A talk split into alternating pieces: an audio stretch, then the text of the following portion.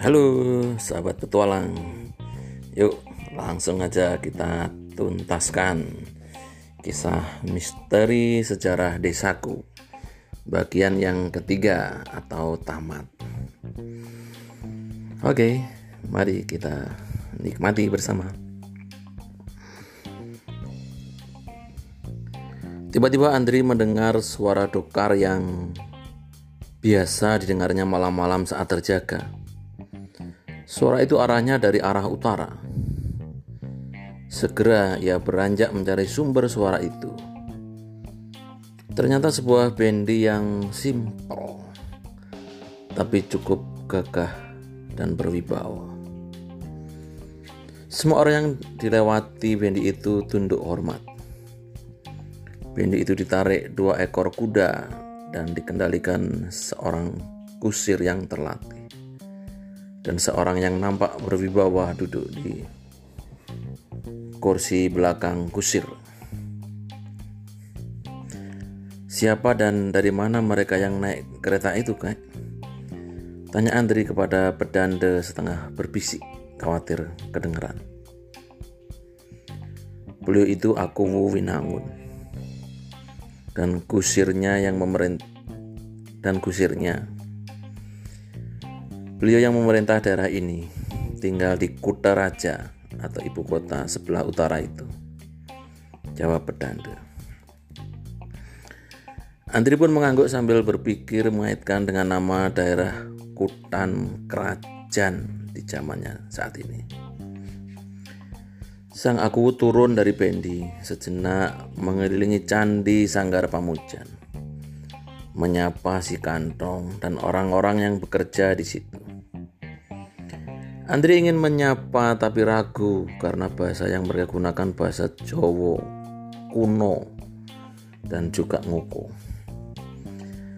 Aku tiba-tiba melihat Andri sedikit keheranan melihat baju yang dipakainya agak aneh.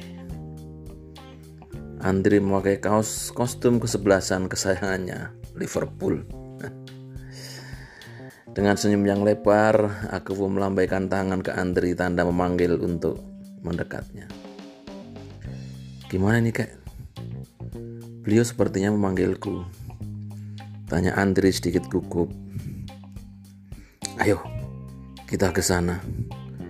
Mungkin beliau juga memanggilku. Saut pedanda sambil menggandeng Andri bergegas menuju sang aku.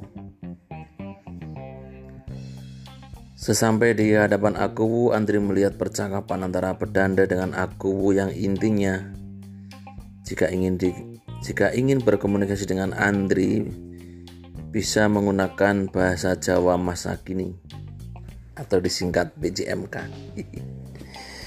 yang mendekati bahasa Jawa masa depan Betulkah namamu Andri? Andri Lumut nak? Tanya aku.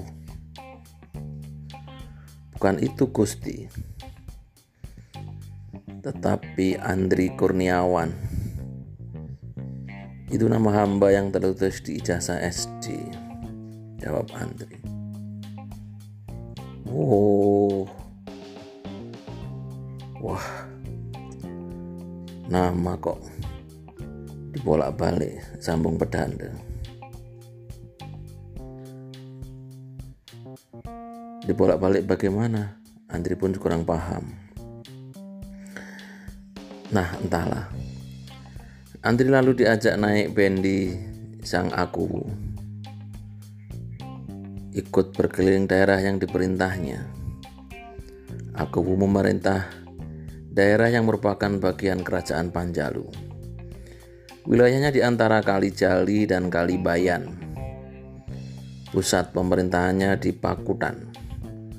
Tepatnya di Kutaraja alias Kutan Kerajaan. Bendi Akuwu menuju ke arah Bayan, lantas melintas alun-alun dengan pohon beringin kembar yang besar. Daerah itu sekarang dinamakan Desa Beringin. Bergerak ke arah utara, aku menengok peliharaan kesayangannya. Sepasang hewan bertubuh jangkung berleher panjang. Hewan jerapah Ya, jerapah. Karena orang-orang di daerah situ kebanyakan agak maju giginya alias tahu mas. Sehingga agak sulit mengucapkan P. Jadinya mengucapkannya menjadi jerakah. Nah, di daerah ini yang kelak menjadi desa jerakah. Terus ke arah utara. Bendi Kereta tadi melewati daerah yang cukup banyak ditemui pohon-pohon besar. Terdengar suara anjing menggonggong. Makin lama makin banyak yang menggonggong. Ternyata ada sekawanan anjing yang nampaknya sedang berhenti dalam melakukan perjalanan jauh.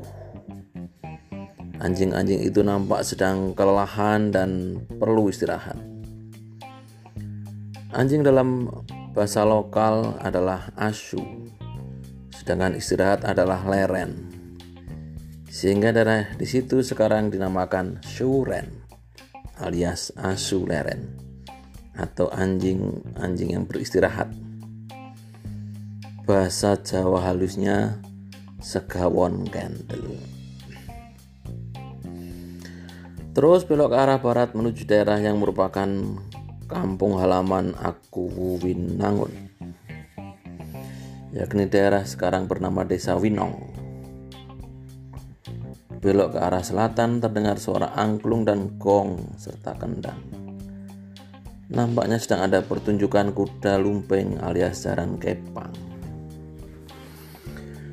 Bendi pun berhenti sejenak karena nampaknya adegannya sedang seru. Nampak banyak pemain yang sedang kesurupan sambil seperti kepedesan. Seperti orang yang sedang makan rujak tapi serem. Yang dimakan ternyata pecahan kaca alias beling. Daerah di situ sekarang yang terkenal dengan nama rujak beling. Puas menyaksikan atraksi itu segera kereta kembali ke arah selatan melewati jalanan asri. Kanan kiri jalan banyak ditemui pohon mirip palem botol dalam ukuran raksasa sekitar lima dekapan orang dewasa. Pohon itu adalah pohon pucang yang sangat besar, sehingga darah di situ sekarang dikenal dengan nama Pucang Agung. Bendi lalu melaju kembali menuju Sanggar Pamujan, mendekati pohon kepal roda kereta terantuk, terantuk batu yang cukup besar, sehingga menimbulkan goncangan hebat Andri pun jatuh tersungkur di jalan setapak menurun di bawah pohon kepel. Kepalanya terantuk pohon kepel gelap yang dia rasakan. Saat tersadar tidak lagi didapati sanggar pamujan. Dilihatnya seperti mandor zaman Belanda dengan seragam putih, sepatu dengan lengkap dengan topi dan jam gandul. Mandor itu berjalan menuju sebuah bangunan yang cukup besar, mirip sebuah pabrik.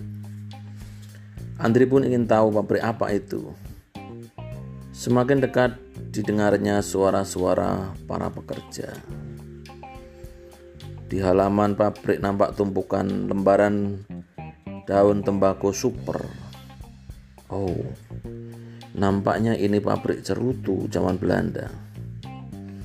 Wilayah Pekutan memang terkenal dengan hasil tembakau kelas 1 yang dibikin cerutu dan dijual hingga ke Eropa oleh VOC.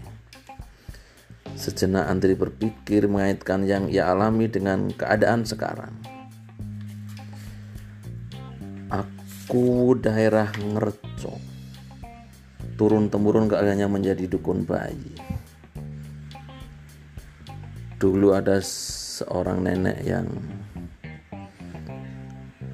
biasa menjadi memijat anak bayi. Oh, apakah pabrik cerutu itu menurun menjadi rokok pelembak menyan maju alias 57? Ah, itu rokok sugeng jangan-jangan. Tidak sabar Andri ingin menuliskan pengalamannya dalam tugas karya tulis sekolahnya. Ia segera menuju pohon kepelubang cacing untuk kembali ke masanya Segera ia susah payah menyusuri jalan setapak hingga kepalanya membentur jembatan. Saat sadar hari masih gelap dan terdengar suara.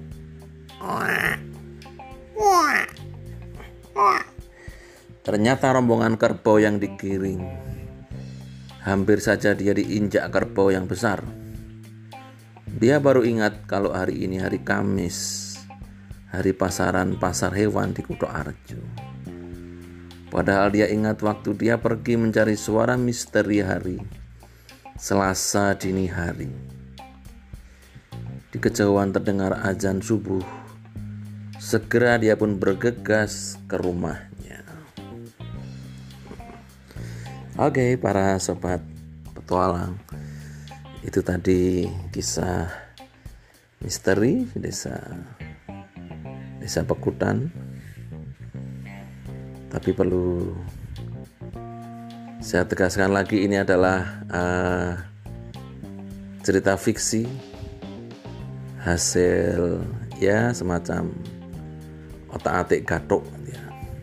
otak atik tapi cocok maksud di sini kisah ini adalah agar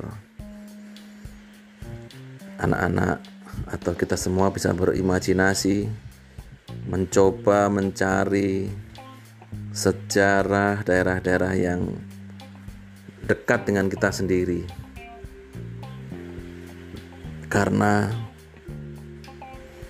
sejarah suatu daerah itu jelas pasti akan memberikan gambaran yang jelas terkait dengan kondisi di masa sekarang juga bermaksud agar anak-anak juga dilatih dengan uh, metode ilmiah pencarian fakta-fakta sejarah akan lingkungan di sekitarnya. Cuma memang di cerita ini coba di otak-atik dengan sedikit imajinasi bumbu dari uh, melintas ruang dan waktu yang juga merupakan uh, kajian ilmiah di dunia sains. Oke, okay. semoga terhibur, semoga menginspirasi. Bukan bermaksud apa-apa untuk menceritakan kisah ini, karena ini hanya kisah yang melatih imajinasi dan pemikiran fiktif kita belaka. Terima kasih. Jumpa lagi di kisah-kisah yang berikutnya. See you. Cheers.